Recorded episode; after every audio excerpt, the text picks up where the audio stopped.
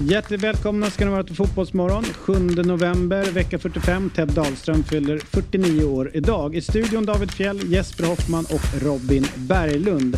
Svea Sigmund gästar och pratar om MFF och hur hon ser på veckan som hon har framför sig. Alexander Axén dyker upp och pratar ner allsvenskan och upp finalhelgen. Pontus Wernblom blickar fram mot Göteborgs sista match i årets allsvenska och även ner tillbaka på matchen mot AIK.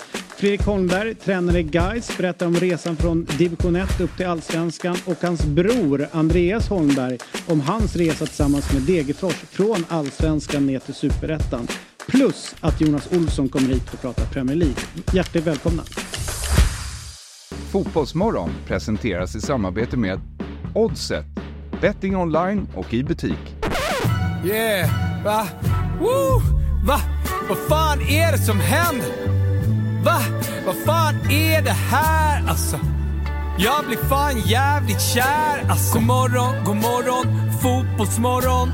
Det går liksom inte att sitta still. Upp och hoppa nu, vi gör det här en gång till. Det här är live ifrån Stockholm city. Det är från tidigt på morgonen till imorgon bitti vi bara Vibar och bjuder på oss själva. Du känner det också hur studion börjar själva. Du har väntat länge nog på vår skit. Det har vi med. Blod, svett, tårar och slit. Det här är som en pumpad boll på en magisk matta. Vi har jobbat med de bästa. Lyssna, du kommer fatta. Hata om du vill och var avundsjuk. Men det klär dig jävligt dåligt och då byts du ut. Yeah! Woo! Det här är Fotbollsmorgon. God morgon, god morgon, fotbollsmorgon. God morgon, god morgon, fotbollsmorgon. David, David, David. Det här är Fjällsgäng på dopp som drar upp rullgardinen. Yeah. Vi hatar plast men vi älskar gräs. Det här är smilet på pendeln. Det här är gemensamt boende. Det här är inte Insta, not the result we wanted. Det här är terapi och lösa kanoner på däck, yes.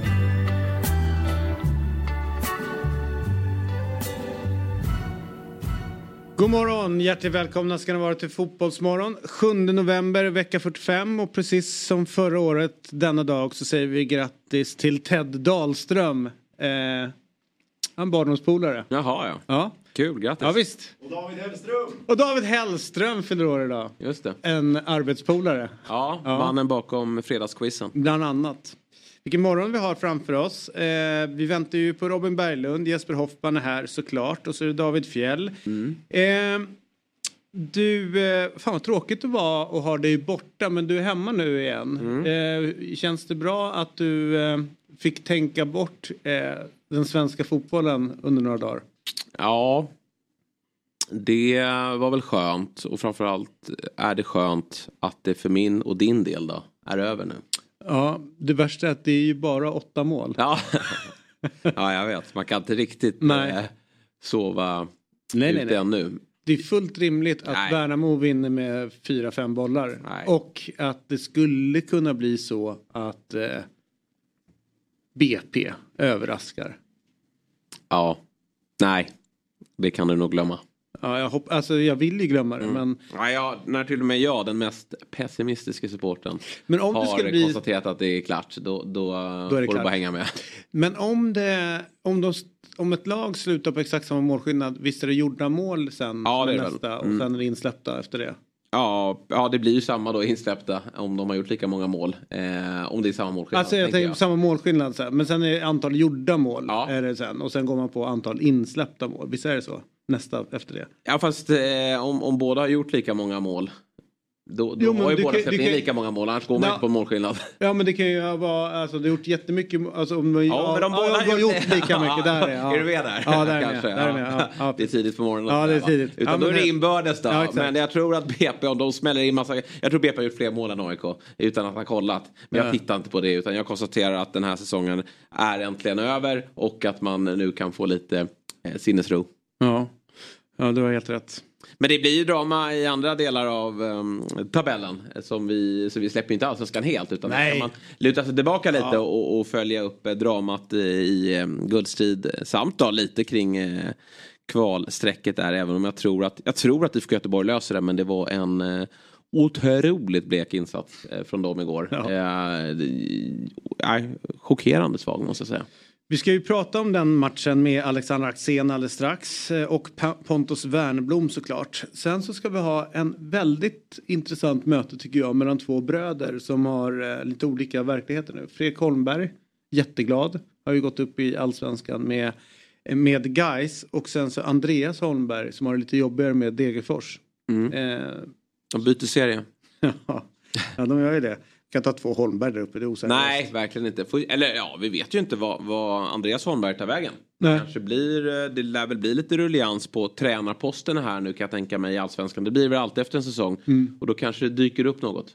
Exakt. Sen Även om jag tycker att han ska vara i Degerfors. För mig är det ja, ja, han, han, och Solberg ska ju alltid ja, vara där. alltid. Ja, Patrik Werner som ja. Så det spelar ingen roll var de spelar. Nej. Och om de gör om på den jävla Valla eller vad de nu ska göra, någon ny sportslig organisation, skit i det. Låt dem rulla på. Jag vet inte vem som skrev det men det var någon som föreslog att Malmö FF borde rusta upp den där arenan. Ja. Som tack. Och jag tycker det är ett alldeles utomordentligt förslag. Ja, de borde fan sätta, skapa någon så yttre fond för allsvenskan. Ja men Malmö liksom har ju sådana pengar. Alltså, så här, det, är, det är en god gärning ja, för svensk fotboll. Ja. Och, och, ett tack till Degerfors. Så att, eh, det är bara att sätta igång och, och börja gräva. Ja, helt hundra på. Du, den här har ja. Otto köpt till dig. Eh, han tycker att ja. du blivit lite smal eh, och det är en sån här grej som händer när man blir äldre. Du börjar ju närmare 40. Mm. Så att detta är för att du inte ska bli allt för tunn. Jag skickar den vidare direkt ja. eh, till Robin då. När han kommer eh, in här så kommer han kunna äta den där. Han springer så mycket också. Han gör ju det. Så det är kladdkakans dag. Vad säger du? Nej, ja, men nej, han, han gillar inte mjölk. Nej, men han får den. Så får han göra någonting ja, med precis. den. Han får ta med det kanske hem. blir Viktor som sitter och suktar. Viktor älskar ju sånt här, ja. det vet man. Och han fyller år snart. Det gör han. Den 6 december. Mm. Samma dag som Finland fyller år. Just det. Det är lite spännande tycker jag nu när man går in sista veckan och i synnerhet när man satt och kollade på matchen igår mellan AIK och eh, Blåvitt. Eh, den här ångestladdade grejen som har varit under hela året. Igår när, när matchen var över så var det ja, precis som du känner att, att det var ö, alltså att vi, vi är ur det mm. på något sätt. Kan man på något sätt motivera sig själv att fortsätta vara så känslomässigt engagerad i en idrottsklubb när man har mått så här jävla dåligt under ett år? För det, det är liksom kan du, kan du tycka det varit kul att gå till matcher? Har du sett fram emot att gå Nej. till en hemmamatch? Det här är ju ett självskadebeteende som inte är sunt. Och min son frågade mig förra veckan varför har vi valt ett så dåligt lag? Och eh, då drog jag på ett gammalt klipp från en Ebbo chippa in det mot Barca för att liksom mm, visa. gjuta lite mod ja. och, och, säga att det, det vänder snart. Men mm. eh, nej, det här har varit en, en plåga för som du säger, det här är ingenting vi insåg ju ganska tidigt att det här kommer bli kämpigt och det allsvenskan är ju en sån serie som är så jämn. Och får du den här starten och det, det är massa strul högre upp i klubben, ja, men då kan det gå riktigt illa. Så att ända sedan liksom Norrköping gång två så har man ju känt faktiskt att det här är en säsong som kan eh, vara smärtsam hela, hela mm. säsongen. Och, och i, i, i, juni då, eh, när, när vi ligger näst sist och går på vila. Då, mm, eller tredje sist eller det, då, då känner man att det här, hur ska den här klubben kunna räddas? Och att ha levt med den oron så länge mm. Eh, och inte riktigt kunna reda ut det. Det har varit eh, psykiskt och fysiskt eh, väldigt eh, tufft. Det, är, eh, det blir också så här, det dyker upp så mycket rykten eh, runt det hela och eh, om man nu ska ta verkligen så obekräftat men det är verkligen så här surr som är. Det är att AIK byter tränare efter den här säsongen även fast man skrivit två år med honom. Det finns spelare som man vet att, jag tror att Selina är väl bara inlånad så han, han ska ju lämna och så här det blir ju spännande att se vad de har för planer framåt. Mm. Och jag tänker likadant med Blåvitt. Vad de har för plan framåt. Är de rätt trygga med att de tycker att det börjar se bra ut? Men båda lagen ligger liksom nere i skiten. Ja. Det måste till något radikalt för att få till en förändring. Ja, och Göteborg har ju faktiskt legat där en ganska lång tid. AIK eh, kom ju femma i fjol och dessförinnan kom man tvåa. Men, men som det ser ut nu så är man ju snarare ett nytt Göteborg än att det pekar på att man studsar tillbaka. Så det, det finns ju väldigt mycket för, för klubbarna att eh, ta tag i. Eh, och samtidigt som jag tror att klubbarna inte har funderat så mycket kring det. För nu handlar det bara om att överleva härifrån nu. Och någonstans det finns ju en rivalitet med Göteborg så jag, jag, jag ser ju gärna att de lider samtidigt som jag ändå lider med supportrarna där. Att de får ytterligare en vecka där de inte kan sova eh, bra och, och målar upp alla möjliga skräckscenarion.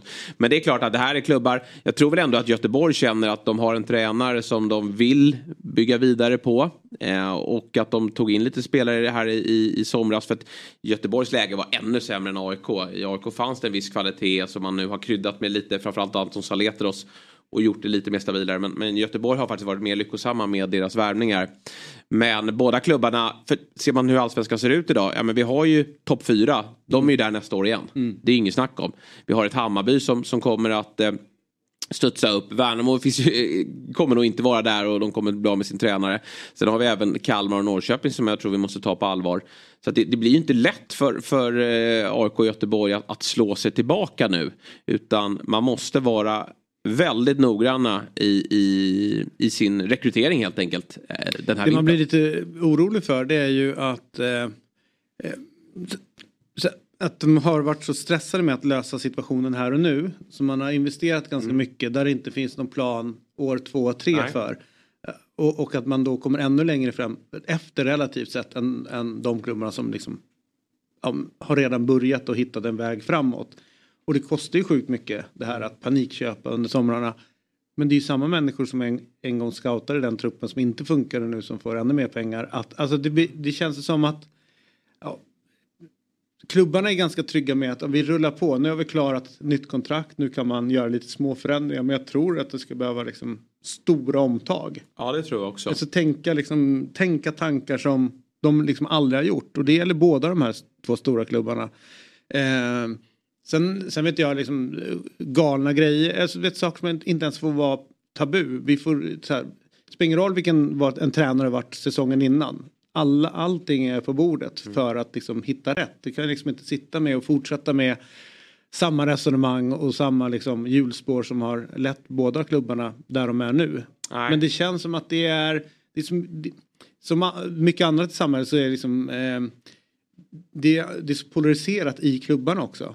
Så att det, det nej, jag- har svårt att se att de på, ett bra sätt ska hitta en väg framåt. Ja, nej, just nu så ser det ganska mörkt ut för båda klubbarna och, och, och um, i AIKs fall då så hade man nog önskat, alltså det, det, man behöver ta in nya spelare, man behöver ju rensa också. Och, och det jobbiga för Berntsen är ju att han, eh, sportchef då, i somras fick gå ut och jaga en ny stomme i, i klubben och det kommer han nog, har inte riktigt fått träff på eh, den här eh, sommaren. Så att eh, Saletos superbra värvning. Jag tycker även att nyförvärvet Tideman Hansen, väldigt märkligt att han inte har fått spela Nej, det är mer. enormt. För det, det var ju häftigt att Ja, se ja. en back som kan spela en boll framåt eh, i AIK. Det har man inte sett på väldigt länge. Och eh, han, han går från klarhet till klarhet igår och, och jag tror att AIK är väldigt sugna på att behålla honom. För det där har du ju en, en, en liksom, du har erfarenhet, du har foten eh, och också en rätt bra försvarsspelare. Eh, så Och om man ska då, utav alla som har kommit in, två spelare som man tänker så här, ja men de här skulle kunna vara kvar nästa år. Ja. Jag tycker även att, att faktiskt, sen, sen kanske han inte är någon startspelare i ett lag som, som slåss om guld, men, men där är ju inte AIK på, på något år. Eh, men Tykosen eh, tycker jag ändå liksom har, han har blandat och gett lite, men jag tycker han visar när, när AIK fungerar igår att han är en ganska bra spelare. Eh, men, men det är väldigt många av de här nyförvärven som man ställer lite frågetecken till och det gör ju att AIK på nytt då måste att förändra en del här och sen åter, återstår ju då frågan kring, kring vem som leder laget. För jag har ju också nått så uppgifterna inte att AIK eh, ska sparka Henning Berg utan snarare att Henning Berg själv då känner att nu har jag eh, lyckats med mitt uppdrag. Jag vill eh, dra mig ända ut i eh, Europa igen. Och att kanske, för jag tror Henning Berg kände att okej jag kommer hit och räddar upp det. Men sen vill jag slåss om titlar. Ska jag vara i allsvenskan då vill jag ha ett lag som kan utmana nästa år. Och det känner han nog att AIK inte är där än. Och jag tror att AIK mår ganska bra av att sända de signalerna att nästa år är ett uppbyggnadsår. Få in en tränare som kan vara lite mer långsiktig. morgon, god morgon, fotbollsmorgon. Woo! Hej! Jesper Hoffman från Dobb här. Jag vill tipsa om att FBL Sverige nu finns som podcast helt fritt där poddar finns. Vi spelar in ett nytt avsnitt varje vecka inför den kommande gameweeken med våra bästa råd hur du ska lyckas som manager. Så när du har lyssnat klart på Fotbollsmorgon och vill höra mer om Fantasy Premier League så finns FBL Sverige helt fritt där poddar finns. Nytt avsnitt varje tisdag. Hörru du Axel, gillar du att dagdrömma? Ja men det kan vara rätt trevligt tycker jag absolut. Vad drömmer du om då? Oftast blir det väl ändå fotbollskarriären. Eh, både en och två gånger skulle jag säga. För det är ju så för oss här på Fotbollsmorgon. De flesta dagdrömmar ägnas åt fotbollskarriären. Men på senare år har jag slutat drömma om något så stort att liksom bli en bra eh, spelare utan det är snarare mina tränardrömmar som börjar kicka in. Okej, okay, så det är lite Fabian Ahlstrand inspirerat här? Ah, eh, nej, så långt ska inte jag gå. Men snarare football manager och det är ju så att eh, jag inte behöver dagdrömma så mycket längre. Därför att Segas otroliga spel, det är ju hur autentiskt som helst. Eh, och eh, jag tror ju att jag kommer få eh, mina drömmar uppfyllda här. Mm. Nej, det är för sig sant. Football Manager, där har jag nog lagt betydligt fler timmar på att spela det än på att eh, dagdrömma i alla fall, det kan jag säga. Då är vi ju samma skrot och korn. Det är typ du och jag och sex miljoner andra. Okej, okay, det, är, det är så pass många som lirar ändå. Mm, och man behöver aldrig spela heller. Det finns ju ett världsrekord som visar det ganska tydligt. Okej, okay, det är, är det? en eh, polack, en polsman som har styrt sitt FM-lag i 528 spelår. Okej. Okay. Ja, jag hoppas att jag inte riktigt behöver 528 år innan jag kan ordna upp AIKs kris i min egen FM-karriär. Jaha, det är här du håller på med nu på jobbet istället för att arbeta. Det är alltså football manager. Ja men självklart gör jag det. Jag är ju på god väg att värva Jordan Larsson nu återigen till AIK. Jag tror att han kommer såklart bli en nyckel i anfallsspelet den här säsongen för AIK. Då är vi samma skrot och korn som sagt var. Football manager 24 går alltså att köpa nu till PC, Mac, Playstation och Xbox bland annat. Så nu uppfyller vi våra dagdrömmar och tar AIK till Europa igen. Dock så hoppas jag att Kärna hjälper mig. Ja, det vore ju fint. Och så tackar vi Football Manager och Sega för att de är med och sponsrar Fotbollsmorgon. Morgon, god morgon, Fotbollsmorgon! Woo!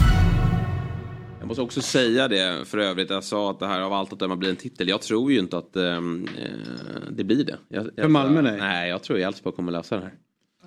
Alltså det här mentala vänder ju nu. Alltså Elfsborg är lite deppiga nu. Sen kommer det ju vara det här snacket om att Malmö bara ska vinna. Nej, det, det, det är en eh, jäkla häftig match. Alltså just att det är Elfsborg som tar, tar guldet på krysset också. Ja, gör ju exakt. att det blir en fin krydda också här. Men det är intressant det där med det Johan Fallby sa igår, han idrottspsykologen, att när de har gjort studier på mm. avgörande matcher, alltså Game 7 i synnerhet, yeah. så suddas hemmafördelen ut. Och det blir ju som en Game 7 nu. Så det blir sjukt spännande att se vad vad det ger. Ja, här, vi ska ringa, prata med en som absolut inte tror att Elfsborg kan lösa det. Om han inte har ändrat sig här när han fått sova på saken. Jag tror inte det är otänkbart. Nej, så är det Därför att vi ska ta oss till... Uh, vad kan han befinna Göteborg. sig? Göteborg borde han vara i ja. Mm. Precis. Eh, på, till Sveriges framsida som man säger. Och eh, vad är det som händer denna tisdag då? Jo, vi har faktiskt med oss mannen som gör så sjukt mycket för svensk fotboll och svensk dart. Vi har inte fått se eh, huset i Rynninge. Vi har, inte, vi har inte fått se tomten på länge. Men vi har hört att det är som det ska vara. Perfekt. Och nu sitter han på ytterligare ett lyxhotell någonstans i Sverige och i Göteborg. God morgon, välkommen till Fotbollsmorgon, Alexander Axén. Hur mår du denna morgon? Jag mår väldigt bra faktiskt. Eh, jag har varit här sedan fredag så jag, det ska bli skönt att åka hem idag faktiskt. Ja, kolla till ägorna. Hörru du, eh, vilken härlig match du fick uppleva igår på Gamla Ullevi. Jag tänker mest inramning, eh, mycket som händer, mycket känslor. Eh, och som Vilket det... jäkla tifo måste jag ja, få säga i, det, är helt i det här forumet. Ja. Ja. Helt otroligt helt enormt. mäktigt. Alltså. Ja, jag tycker jag älskar det. Ja, det var, eh, och det, det, finns inte ens en strimma någonstans i mig som känner att det här är fel. eller att det här är dumt. Eller att det här vill jag inte ha. Utan det skapar ju någonting. Eh, och bara först innan vi går in på matchen, ta oss gärna tillbaka till inramning, stämning, känslor och liksom hur det var på Ullevi innan matchen. Ja men det är ju alltid speciellt IFK Göteborg-AIK. Eh, så är det bara. Man märkte på stan, det började vara mycket AIK redan på lördagen när man sprang på dem. Eh, och att det var en viktig match. Det steppades upp tack vare att BP vann kan man säga. Det var lite så här, eh, ja vi får se vad det gäller, men så fort det vart det, då vart det den här sista kryddan som oftast inte behövs, men som gjorde att det blev lite till kan jag säga. Och jag mötte mycket folk, både blåvita såklart, men mycket aik på väg till arenan och det var en sån här elektrisk laddning när det var lite så här nu jävlar-känsla liksom. Och eh, jag är grymt imponerad av tifot såklart. Eh, men också att AIK slöt upp med så mycket folk och gjorde en, en inramning som var enorm tycker jag. Mm. Mm. Ja, det alltså, gick verkligen, vi satt ju hemma i, soffan då eftersom vi skulle upp här tidigt. Men ja. det gick verkligen att eh, ta del av den där inramningen från, från soffan. Och eh, ja, tifot var ju Så måste man säga liksom så här, det, det är ju någonstans är det här som gör att folk vill spela i allsvenskan. Det är det här som gör att det, det ramas in och det är så jävla roligt när den här stora krocken som ändå blir när man ser någon pressad matchdelegat där som ska vara, jag vet så här, Bror Duktig. Nu bryter vi allt. Mm. Det här är för, alltså man ser ju hur mycket han hatar alltihopa och kan liksom inte tillåta sig att känna in stämningen som är. Jag tycker att det är svinmäktigt. Mm. Och det här är ju det här tifot gör de ju svinmäktigt. Sen hade de ju, visst är det mot Elfsborg den här eh, storma, storm, stormigt hav. Den här skeppet som är ute och åker. Och sen så även då hur, hur vädret var. Lite så här regn i luften och mörkt och jävligt. Alltså, det är coola matcher. Man kan väl säga att det är två lag som inte har eh, eh riktigt motsvarat supportrarnas insatser eh, den här säsongen. För jag tycker att både IFK Göteborg och AIK med deras uppslutning på läktarna och inramningen som de har skapat är på en annan nivå. Men eh, rent spelmässigt har det varit eh, svagt över eh, hela banan. Men vad säger du om, om eh, matchen då? Jag, jag, är, jag tycker att AIK gör en bra match. Göteborg är svaga. Vad säger du? Jag, jag, tror vi alla var tagna på sängen för att Blåvitt har börjat varje hemmamatch med en enorm press och eh, radat upp målchanser men inte gjort mål och sen så har det ebbat ut. Men här, AIK spelade av deras eh, energi kan man säga ganska fort och det märkte man på eh, IFK Göteborg-spelarna att de eh, eh kom inte åt dem alls alltså. Och att eh, Eh, Selina och Saletros ihop på mitten är ju, det var ju helt brutalt bra gjort. Jag trodde det kanske att det skulle vara lite för offensivt men det ser man, bra fotbollsspelare löser sådana där grejer och jag måste säga att det här är klart AIKs bästa match för hela säsongen. Eh, en hel 90-minutare. Eh, så har de inte haft. De har haft perioder förut men de har också haft så här 20 minuter på avgrundsbotten dåligt. Liksom. I, igår tyckte jag att det var väldigt bra hela tiden. Sen har de fortfarande problem att skapa stora målchanser. Eh, och Faraj gör en jättebra match, men du vet, jag är ju sådär gammeldags. Alltså att eh, är man forward, då ska man göra mål, då ska man avsluta grejer. Ja, det, det liksom, ja, han kämpar, han bryter ner bollar och sådär, men han är ju aldrig i straffområdet. Det är som att man skulle få en stöt om man gick in där. Han står ju utanför där konstant liksom. Och, och det går liksom inte. Man måste hitta en bättre tillpitas. Det här är Fotbollsmorgon. God morgon, god morgon. Fotbollsmorgon.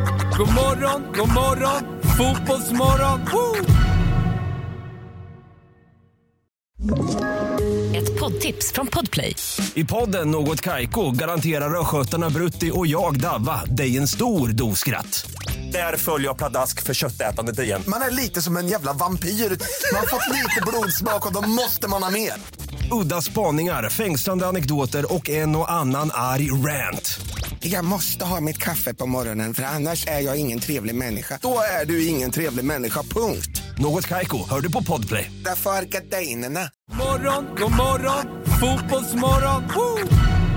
Jag, jag, håller med dig där, men å andra sidan så skulle jag vilja säga att man kanske, om man nu stannar till i AIK-lägret, kunna vara lite mer besviken på Pittas i sina stormatcher när han värvas in som, som den ändå som ska liksom ge oss eller ge AIK någonting extra. Så tycker jag ändå att i en sån här match så, så får ju AIK ut mer utav Faraj. Alltså han gör ju mer för laget. Och jag håller med dig, han är inte i boxen sen. Han är inte på plats där inne men i länkspel, i mycket annat så tycker jag att han gör det bra. Men de är ju ändå två stycken där uppe på topp och jag ser inte strukturellt eller liksom, det finns inget system för hur AIK ska ta sig in i straffområdet på ett sätt där man, där man, där man hotar motståndarna och det är mest frapperande sett till hur många, hur många träningar och lång tid de ändå haft på sig nu att, att hitta någonting.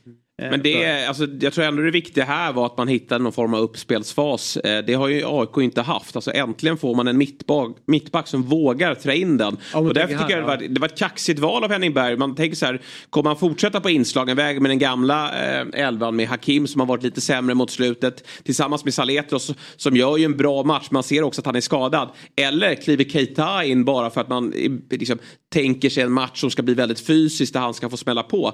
Nej, då flyttar han in sin ytter eh, i form av Selina som är väldigt allround och kan verkligen användas i, i eh, olika delar av banan. Och det blir ju väldigt effektivt för att Göteborgs press den uteblir ju helt. De inser att vi, vi kan inte jaga ifatt AIK här för de kommer att spela in på sina skickliga mittfältare. Så där tycker jag att Henning Berg måste hyllas. Håller du med Axel? Ja absolut, och jag var ju lite tjafs med Norden innan. Han ville ju ta bort Henning Berg för att han utvecklar inte laget. Jag säger att eh, han ska absolut ha kvar om han vill. Eh, För det är där det kommer att handla om. Eh, jag tror att han kommer, eh, och att Berntsen också kommer, liksom, vad är det vi behöver typ för att det ska bli bra? Att de pratar ihop sig. För så har det inte varit, utan han har ju kommit in efteråt och Berntsen har börjat göra någonting. Så jag tror liksom att, eh, också på det, och jag, jag liksom, eh, vad ska man säga, jag, jag gillar ju sådana här tränare som är så lugna hela tiden. Alltså, alltså brussar aldrig upp, bara myser, kör på liksom. Eh, jag tror att, att AIK-spelarna har behövt det liksom, på något sätt. För i det här pressade läget som det är så märker man att man måste ta lite lugnt ibland också, inte bara gå med i liksom, allt vad alla ropar och man ska byta hit och dit och sånt. För nu det AIK behöver för en gångs skull är lugn och ro. Men, Fast- men med det säger jag ju samtidigt att de ska ha fem nya startspelare, tycker jag då. Men jag är ganska krass där och eh, det är mycket dödkött som måste bort i AIK. Jag skulle nästan säga fler. Men eh, ehm, det är ju roligt. Det är alltid någonstans resultatet som styr huruvida, hur vidare man gör en tränare bra. Alltså tränarstilen är bra. Om man tänker 2010 så kom en som inte var lika lugn in, Alex Miller. Eh, och styrde upp. Och då kom ju resultaten efter det här också. Då var det så här. Åh vad bra ett AIK att ta in den här galningen som fick fart på det. Det var exakt det man behövde. Så att någonstans så är resultat styr tanken väldigt mycket. Men ju, det största grejen är väl inte eh, Berg utan det är väl att de har köpt in en jävla massa spelare för väldigt mycket pengar. Som gör att de räddar upp det här. Eh, totalt sett. Det är väl... Jo, men det har du rätt i. Och Miller, det är ju Kärnas bästa tränare i Ja, ja. Det Ja, ja, ja. han ofta upp när han har druckit en sportdryck. Ja. Att Mi- Miller, Miller var bra för mig. Han var bra för mig. Fick mig att springa rätt gjorde han. Ja, men, Kärna är ju en sån som vill ha så här, du ska göra så här, okej, och så gör han så. Liksom, det är det som man gillar. En del, en del spelare är ju så. Jag vet ju när jag kom till Gais och jag tränade då Kenneth Gustafsson som nu är assisterande i Gais.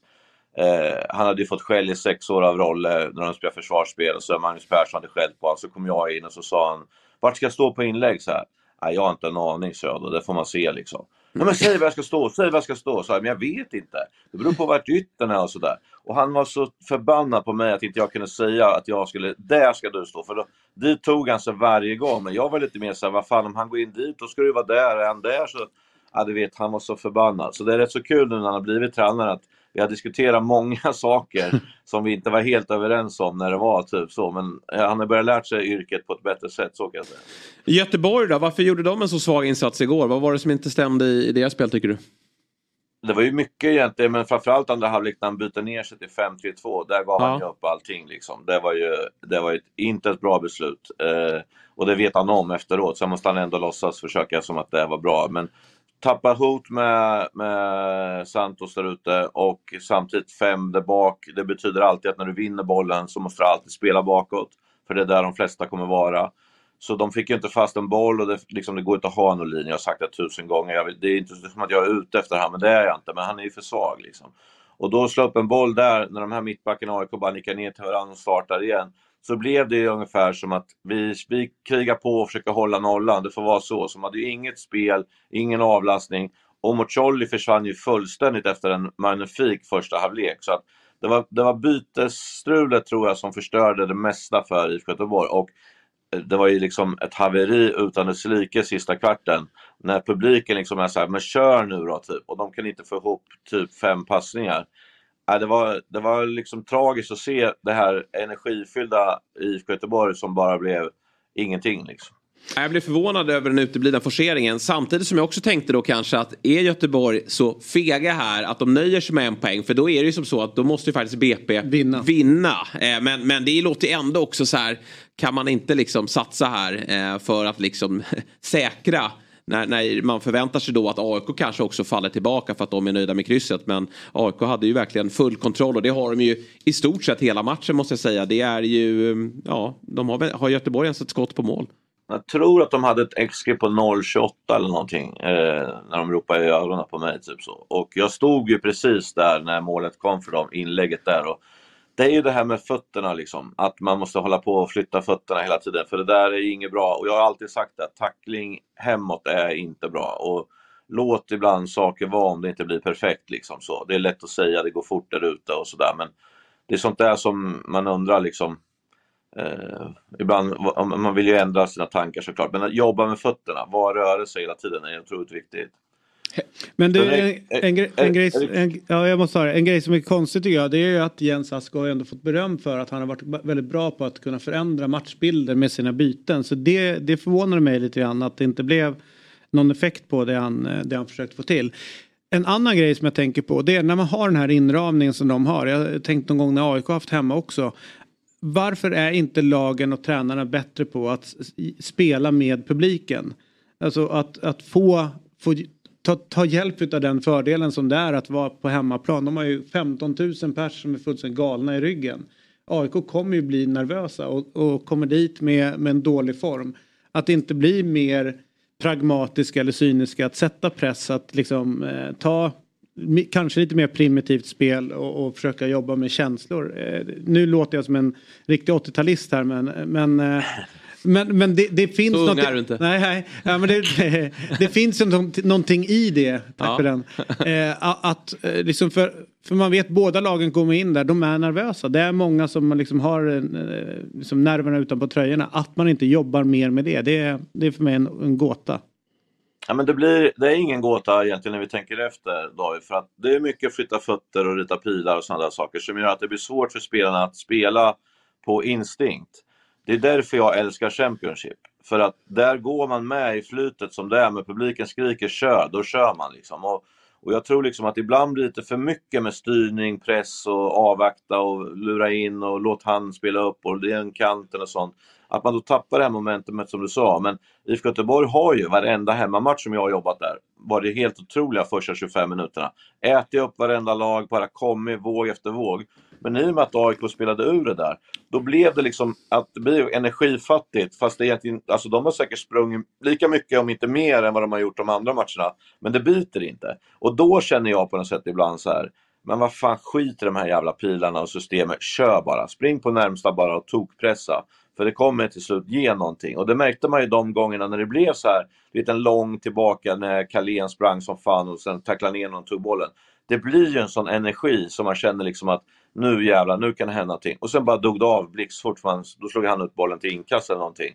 Och det där vet jag när jag var tränare, att man pratar mycket om Bjud inte på att du förlorar ett eh, motlägg. Eh, slå inte ut det onödigt till någon hörna eller sånt där. För det blir energi på de här stora klackarna som är överallt. Då. Och där tycker jag liksom att Blåvitt aldrig skaffar någon gång under matchen ett momentum där det liksom när man, vet, man känner att det växlar upp, när, när sångerna bara tar i lite mer och lite mer hela tiden. Den, den, där var de aldrig riktigt. Eh, och det var när de skrek hata guys och hata AIK typ ihop. Det, då, det var enda gången jag kände att nu är det bra tryck liksom. Men, men det gick över ganska fort. Sen måste Göteborg hitta en anfallare som du säger. Alltså nu har ju Marcus Berg haft, nu är han out, han har slutat. Men, men eh, han har ju haft en kämpig säsong och de har eh, testat Norlin där som är, ibland kan sträcka och vara nyttig i det spelet. Men han, han håller ju inte för ett allsvenskt lag att vara en, en, en nia. Eh, det håller jag med dig om. Och, och Selmani han är ju, ju för kall faktiskt. Det, det är ju hårt jobb där också men, men är, är, är tekniskt för svag. Nu när de har de här fina kanterna i form av Santos och Mucolli så måste de ju få in en, en, en riktigt bra anfallare och, och det gör ju att de AIK i- igår känner att ja, men kan vi bara hålla yttrarna, hålla lite koll på dem, hålla dem utanför oss så, så äh, kommer inte Göteborg kunna hota och det var ju, det var ju Sotte som gjorde målet för, för Göteborg eh, så att de har ju full kontroll på, på det centrala Göteborg framåt. Ja, jag vet att de har, jag vet en som är klar och jag vet en som de jobbar med. Som Vem är klar? bli Nej, det är ju, de är smarta, så kan jag säga, så får ni tänka ut själva. Eh, men en är klar och en jobbar de på. Så att det kommer, det, de två ihop kommer bli riktigt bra om man väljer att spela så. Mm, spännande. Eh, jag, hej på dig. Eh, jag... Vad kul att du hade lite flextid idag att ta ut. Ja, det var skönt.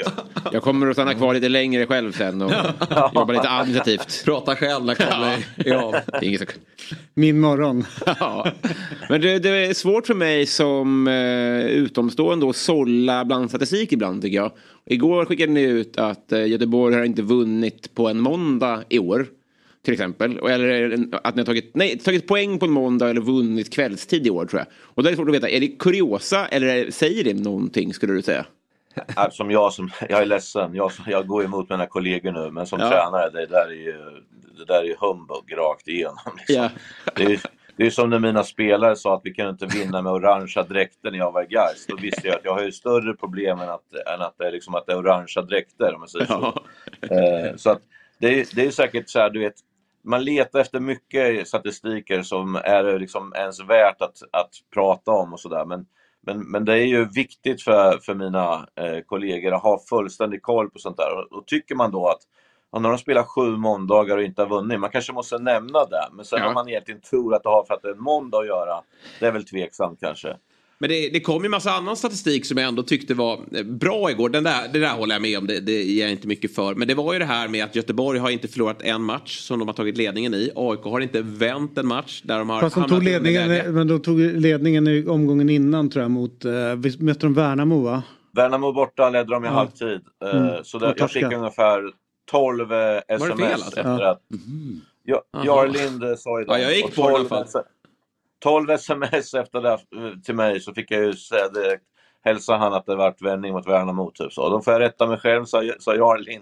Och sen gick man vidare bara. Ja. Typ så. Men Då är det svag statistik. Då går vi också vidare. Det, man kan inte hålla på och rabbla sådana mycket statistik och så är det fel. Nej, nej det är livs, det är, livs, det, är det, som är, ja, men det är det som är grejen med statistik. Ett så kan man ju, den bara dyker upp. Ja. Och sen så här, vad, vad ska man använda den till? Man kan vända vidare den till sin fördel precis hur som helst. Ja. Men framförallt... Och av tv. Ja, men, ja, exakt. Men exakt. vad fan, det här är kört jag. Vi kommer inte vinna den här. Och att AIK hade fyra raka förluster utan att ha gjort ett mål. Exakt. På Ullevi. Ja. Visste du att Göteborg har inte vunnit en enda gång när de tagit ledningen? Förutom några gånger. Några, helt Fan, sjukt. sjukt ja. Nej men så dyker den upp så blir det fel. Då står man ju med, och det värsta som finns också, och jag kände ju lite grann med, med Niklas Jarl innan han sa det. För det är ju inte han som, Nej, som har tagit fram det, antagligen kommit i örat eller någon producent eller någonting som berättar. Och man är ju så pass lojal mot en redaktör eller någonting som man får i örat. Så man säger det för att man tror att det är kollat. Alltså mm. man, man inte göra en källgranskning som programledare eller kommentator. Nej. Men sen står man ju där och den som har liksom kastat ur de här ja. siffrorna och sen är det fel. Det har ju hänt några gånger när man har kört också och då är det så här fjällen jävel och så folk blir förbannade. Så går man ner till en redaktör efter man bara really? Tack för kaffet. Ja. Du vet sådär nu eh, får jag massa skit här. De bara ah, det blev lite galet. Ja. Så, går de vidare. Så att, det är lite jobbigt med statistik. Innan men jag som vi... dumskalle tar gärna emot ja. kuriosa. Det, jag, ja. för, men... Det, men jag, för jag behöver inte omvända dig. Hur ska vi spela annorlunda då på Nej. måndag? Men ta det, ta det som eh, inte alltid att det kan vara eh, eventuellt kanske inte stämmer. Nej, men den är kul att få till sig. eh, men du den här då eh, Alexander Axén. Om det är så. Jag tror inte att det kommer bli så. Men om det är så att Blåvitt skulle hamna i kval och det blir mot Öster. Och då skulle jag säga Öster är den klubben i superettan som har bäst förutsättningar. De har störst omsättning. De har lagt mest pengar på den här verksamheten. Sett till tisdagar. Sett till tisdagar. Eh, så, att, eh, men, så att det här är ju, de ska egentligen vinna serien. Alltså om man skådar, så de underpresterar ju sett till vad de lägger i, i budget. Men vad tror de ger för chanser i den matchen? Blåvitt Öster. Du är ju ganska hård där som tror att Gaisarna har nyktrat till och slår Utsikten då i sista matchen. eh, utsikten har ju fördel av att de är en poäng före eh, och att Gais har liksom festat på rätt så bra den här veckan ska jag tippa. Men det är över 9000 sålda så de kommer nog köra. Du kan få rätt på Öster men jag tycker att det är två eh, formsvaga lag, både Utsikten och Öster. Men om det skulle bli Öster så, så blir det liksom en fotbollsmatch på riktigt om man säger. Jag tror att Blåvitt slår dem i alla fall. Men Utsikten, då får de det ett helvete kan jag säga. För det, de torskar ju mot dem i kuppen också. Ja, de spelar ju typ en man, man, ett man-man-spel. Äh, kan ha varit kryss där, de förlorade mot ja, Gais ju. Så var det, ja.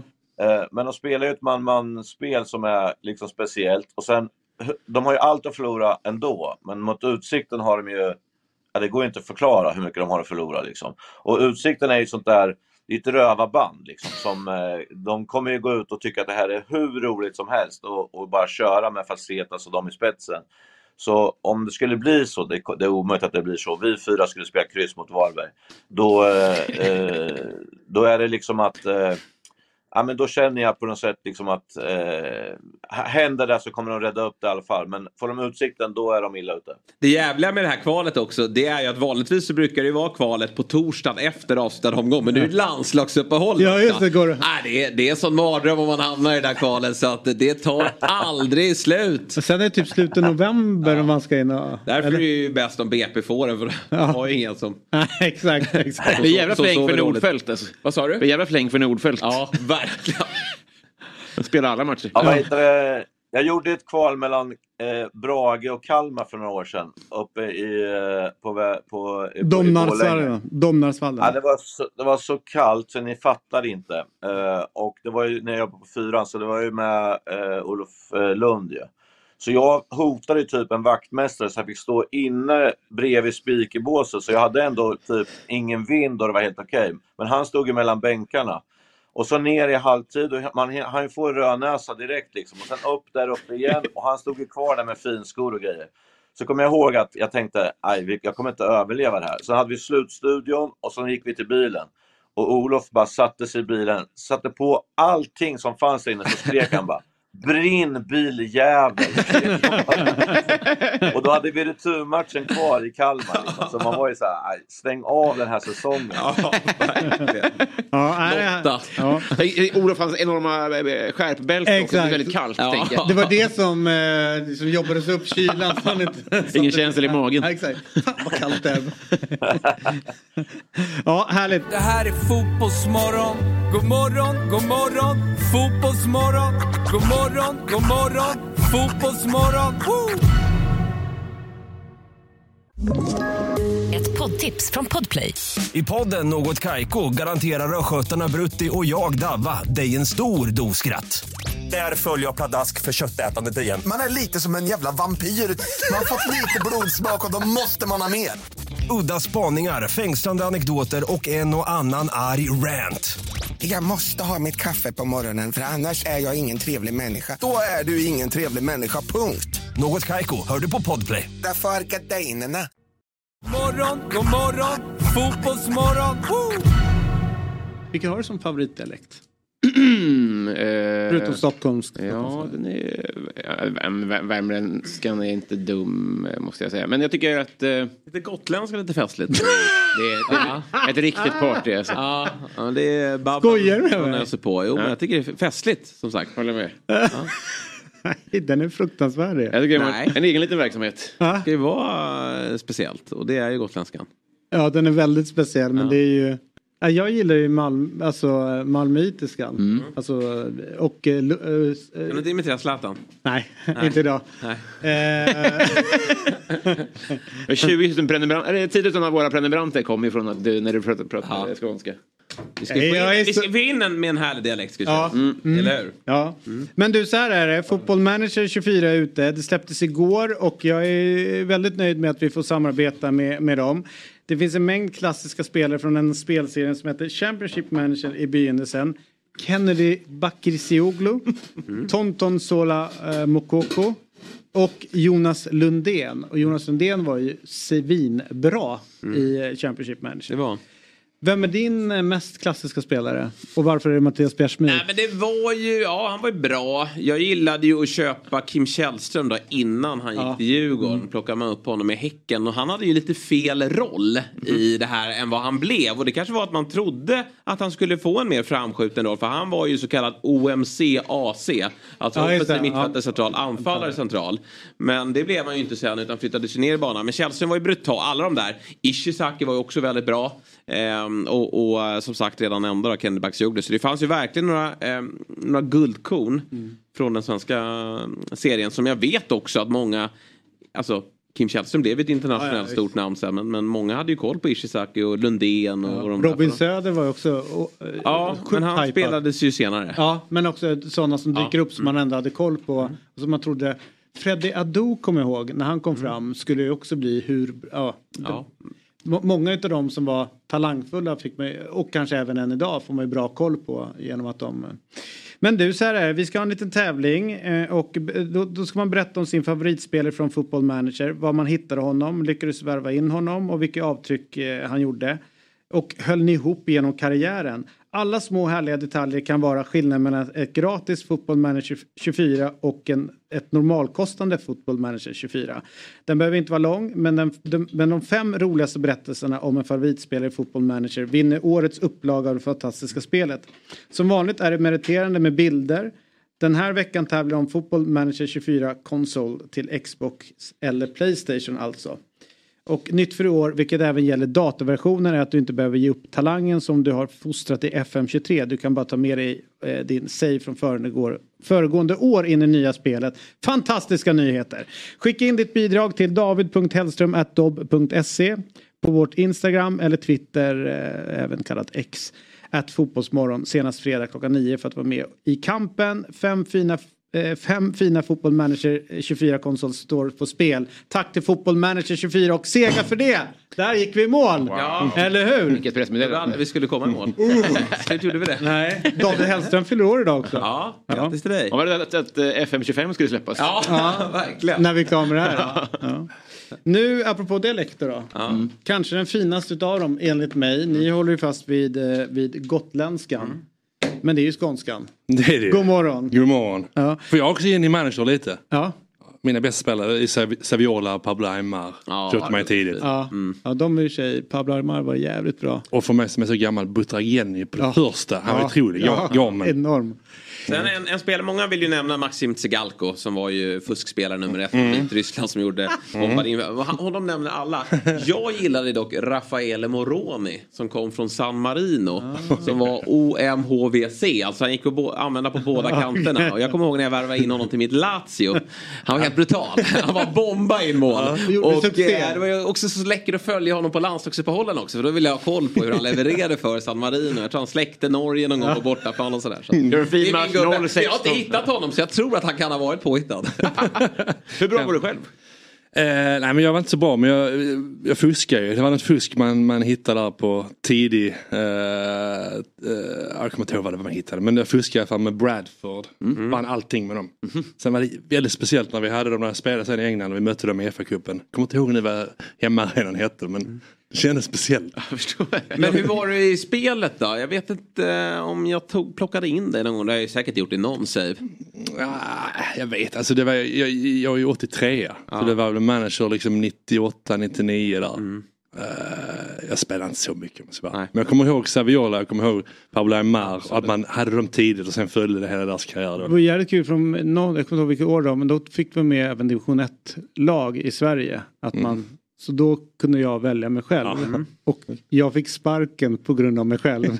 Vilket är jävligt irriterande. När vi är ganska så här pressat läge. Jag kastar in ny målvakt. och eh, målvakten gör en katastrofmatch. Och på måndagen då så kommer brevet från ägarna. You've been sacked. Jag bara jävla fjäll. De fick en läxa. ja. Fjäll hade binden till alla straffar. Katastrof.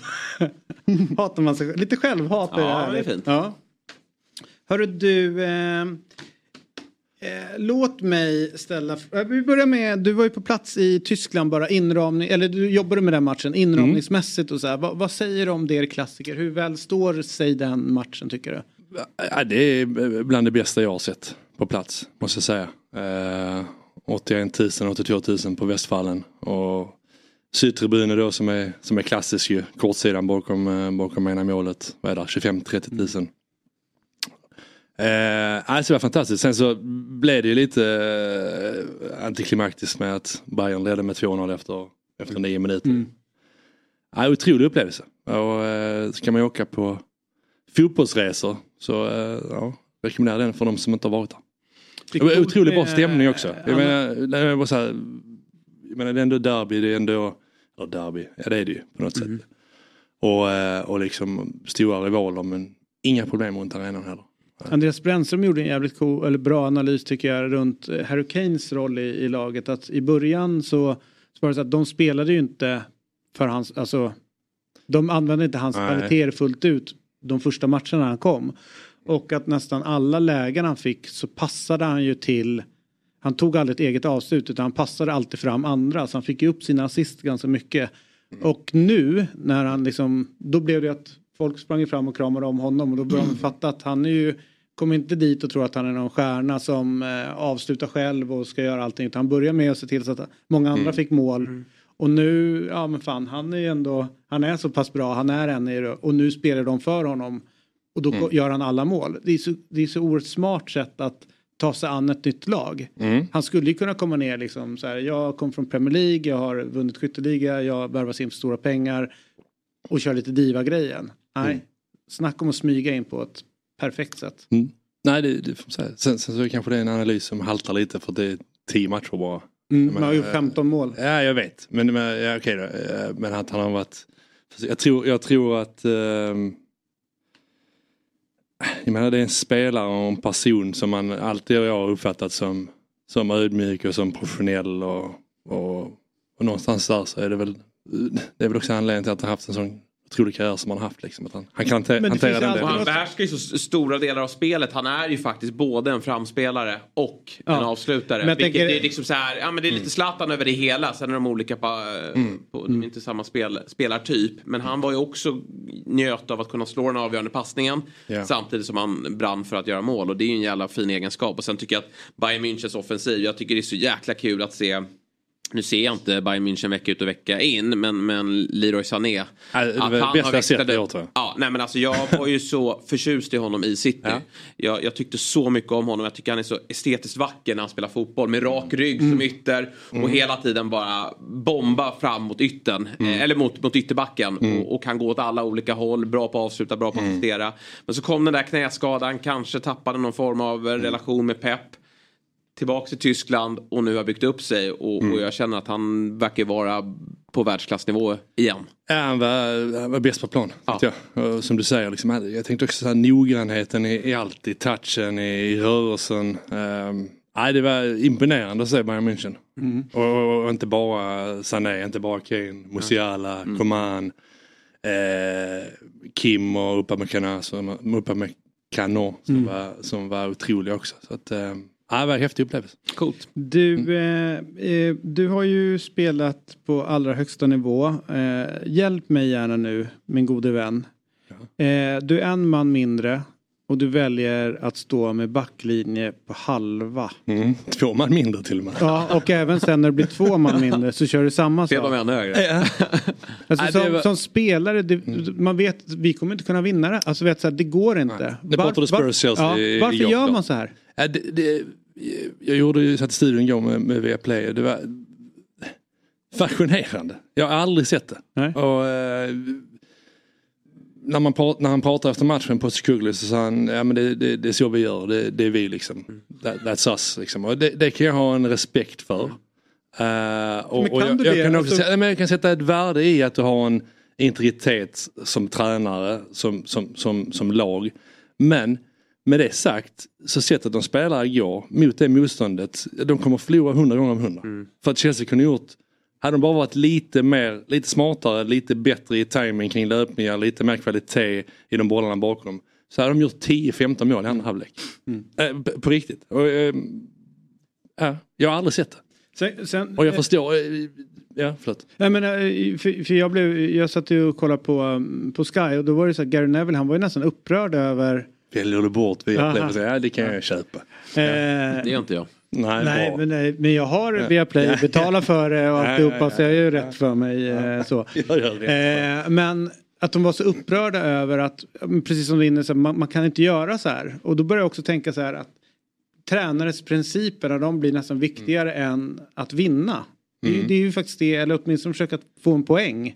Ja, det- Alltså, och- och och det- där, jag får inte mm. ihop den här, jag får absolut inte ihop Nej, vi pratade om det senast Ja. minns jag. Om, Ja. om identitet och då var det väl Liverpool Mm. som var som lite att, att, att de spelar på det sättet även om den säsongen Mm. det, det gick det åt och de inte kunde hantera det.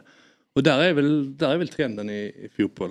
Eh, möjligtvis. Mm. Sen kan man ju argumentera mot eh, mig själv då och Gary Neville och, och dig då i att ja, de har trots allt eh, Son fri i 93 minuten och kan kvittera. Det, det kommer man inte ifrån. Nej. Sen kan vi sitta här och säga att eh, man kommer förlora 10 gånger av 10. Det tror jag man kommer göra också. Mm. Eh, men han har ju ändå en, eh, en, en, en, en rimlig chans att ta det till eh, att få en poäng.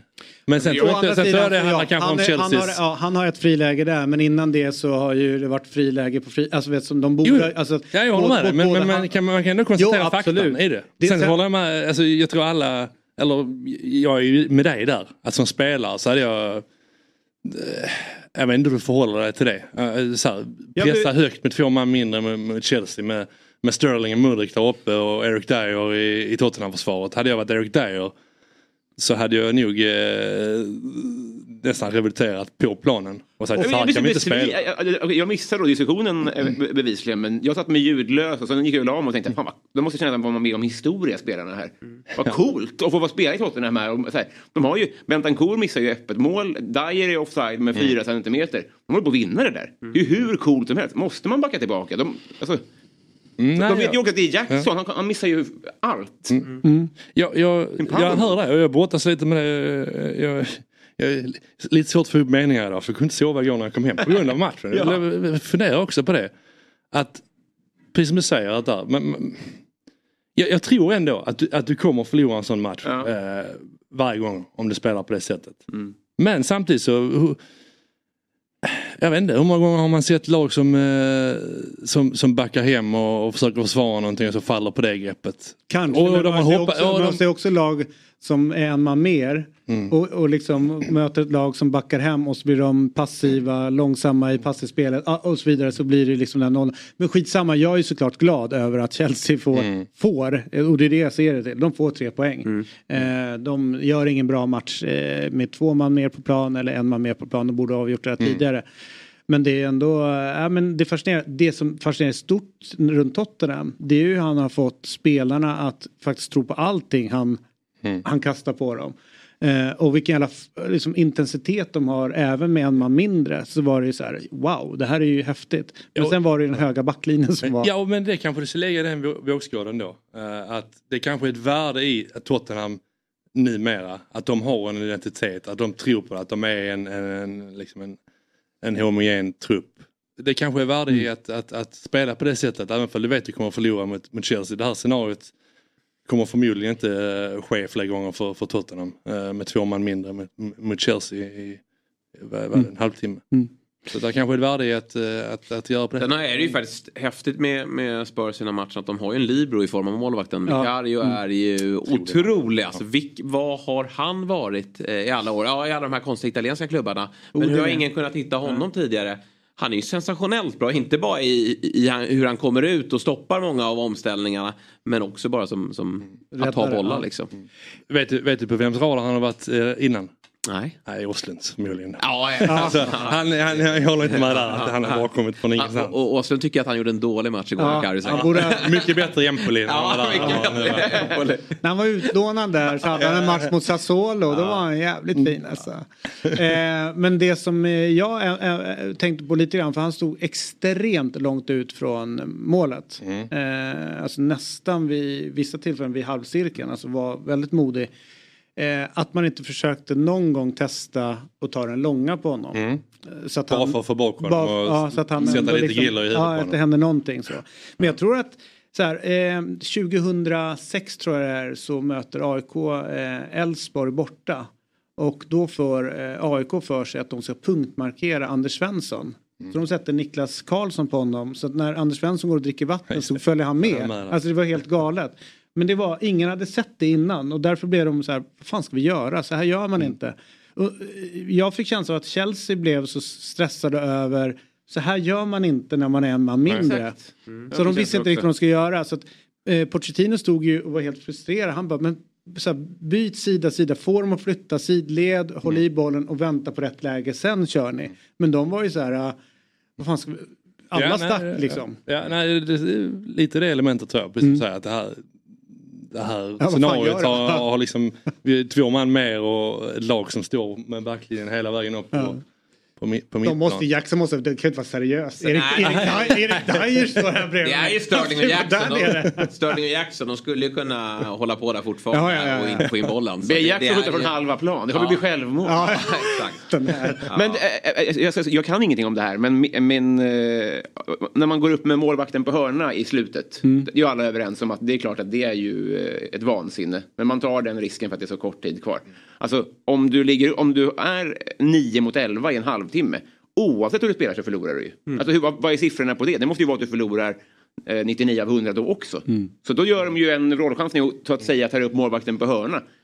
Nej, så, så är det väl säkert. eh, riskanalys. Men, men, men man har ju ändå sett lag som, eh, som sitter tillbaka med en man mindre. Som försvarar sig Ja. djupt och sen så får man kanske någon fast situation. För, där, där var ju Spurs bra också. Ja, matchen verkligen. igenom på fasta situationer. Eh, det hade ju varit scenario. Oavsett vad man tycker så, så, så, så tror jag, återigen nu upprepar jag mig, men du kommer förlora en sån 10 gånger 10 när du spelar med en backlinje. Men också, och ingen press också på- på jävligt bollen. vasst utav, för jag satt och tänkte på det, på det i backlinjen där, att man inte, alltså instinkten är ju att falla.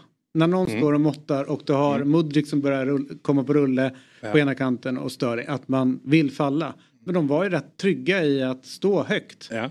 Ja, det var ingen så. Det var ingen, det var ingen eh, zigzag nej, i backlinjen. Det var också jättekonstigt. Jag bara, men är ni helt dumma i huvudet? Ni måste ju falla nu. Någon måste ju känna det. Ja. det var... Det var på B-laget för alla backar var ju utvisade och skadade. Nej, vilket, eh, det var ett par käftsmällar de åkte på igår Spurs. Med, med alla skador Ja, och de här röda korten. Det var ju en eh, Alltså, tuff match för dem. Kolla här, de är, det, är helt, det är helt enormt.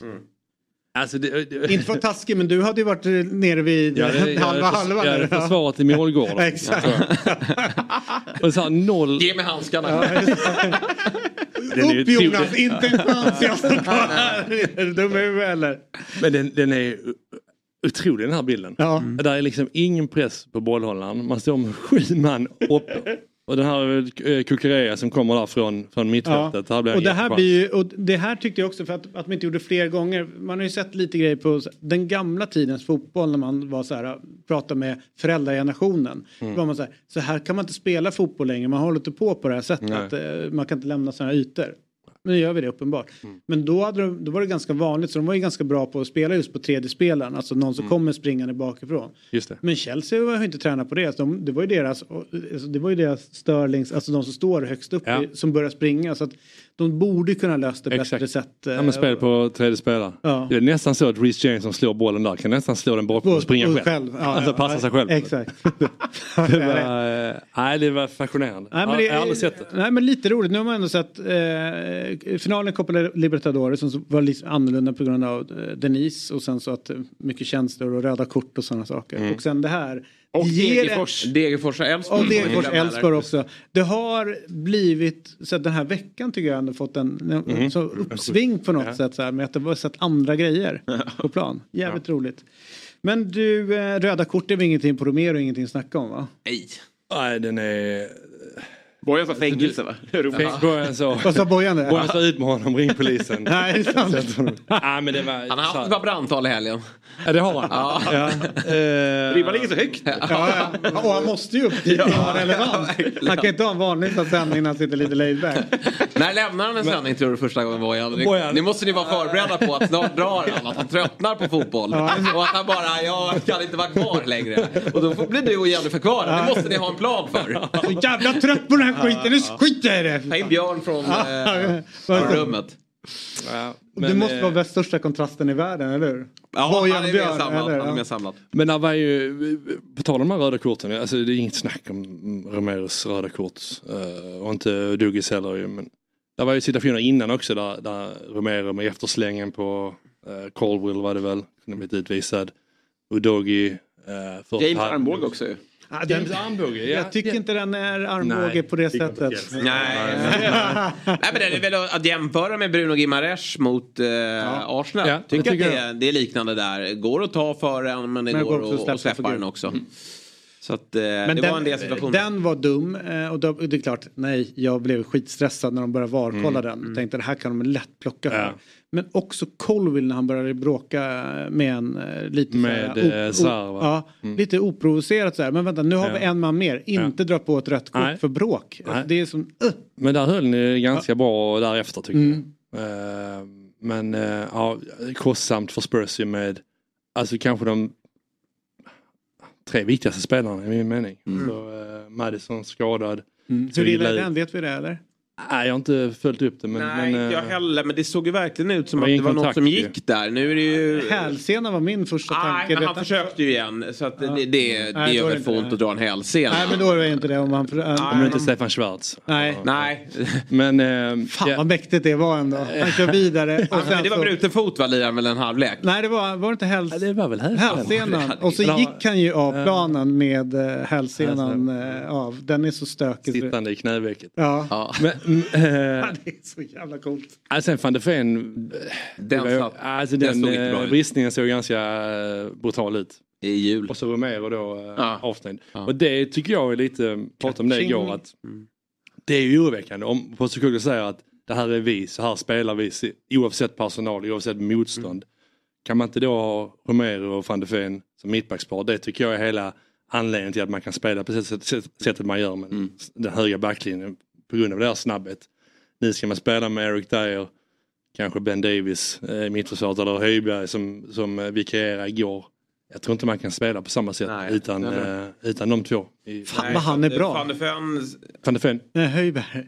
Alltså, jag- alltså det är så här, sett till eh, det man, det man paketet framför sig, liksom när man ser honom, då, då tänker man, jag skulle säga att han kommer ha sjukt svårt i den här ligan. Men hans liksom inställning till liksom, att Oh, ta han är ju dunderpetad igår. Jo, jo, men jag, igår, det, det, de löpmätarna han lägger ner, det jobbet han gör med en man mindre. Mm. Den är- lobben också, när han drar den över, över ribban, den är otrolig alltså. Ja med Ja, knä. exakt, ja, på, på mållinjen där. Han står till. Ja, men sån jävla karaktär. Sen är det inte en, en spelare som jag tycker är en, eh, en fantastisk liksom, fotbollsspelare så och fördela. Men att få in en sån i la, eh, ens lag. Ja. Man älskar ju det. Ja, nej, jag håller med. Och utifrån de begränsningar han har kanske som fotbollsspelare så, Så, jag så, så, gör han det maxa väldigt, sin väldigt karriär bra. liksom, Ja. på det. Ja, nej, jag med. Det finns något fascinerande med det där. Man pratar om talang bara ska vara hur bra man är på ja, men, tekniskt och lite. Men det där är ju fattar sina begränsningar och kör efter det. Mm. Och jag stör mig som fan på honom också när han spelar runt där i Tottenham. För att han ger inte upp heller. Nej, Men släpp den här Chelsea-spelaren nu. Låt oss bara göra mål så vi får det här klart. Jackson, verdict då? Nej men han är eh, jag, så här, nej, jag är så upprörd eh, och, eh, sett till vad han har gjort fram tills nu. Hur? Sen- Upprörd över hans prestation? Eller vad? Eh, ja, alltså vi, vi- han, han skulle kunna stå på en badstrand och missa öppet hav Ja. med badboll. Så det, det är ju den nivån vi har haft längst fram. Mm. Kanske nu att han får göra de här målen och att han får lite självförtroende. För jag tycker han såg jättebra ut på försäsongen. Mm. Eh, då var det en konko där eh, så att de två hittade något samar- samarbete. Men Mm. man hoppas att någon börjar göra mål. Mm. Som är forward eller som nia i, i Chelsea. Att han har mag att fira så mycket alltså. Mm. Jag Ja, var han det där. Men sen är det ju... Ja, men han har fått så sjukt mycket hat. Alltså, Ja, jag, tror liksom så här, jag tror att det betyder så sjukt mycket men ja, vissa mål så är det tap-ins. Spring bara tillbaks. Ni är elva. Det, det är som att han firar att han tunnat sin bebis. De är nio pers. Ja. Hämta bollen och gör två till. Ja. Pippi Inzaghi- Inzaghi-firande. Ja, den var Men- ju helt enorm. Han står på mållinjen, lägger in en och någon har dribblat igenom hela laget och han sen kör den här ut till hörnflaggan solo. Men jag tycker ändå Jackson, jag, jag, jag har sagt hela säsongen, jag gillar... Eh, han påminner, tycker jag, om eh, Timo Werner i Chelsea i det att han gör väldigt, väldigt mycket bra. Han löper, han, är han måste vara en mardröm som mittback att möta med sitt rörelsemönster, med sin första touch. Men sen gör han ju, alltså, han är ju inte effektiv. Han kunde gjort dubbla, dubbla hattrick igår, lätt. Ja. Och det tror jag är problemet med, med Chelsea och Pochettino. Att har liksom ingen, eh, har liksom ingen anfall att lita på. Nej. Mudrik, eh, jag vet inte. Sterling, ja. Nej, Sterling absolut Nej, inte. men, men man kan väl ändå se ett scenario där Sterling kommer in i, i momentum och, och, och, är bra. Liksom. Det ser, ser man ju inte med, med Jackson eller med Mudrik.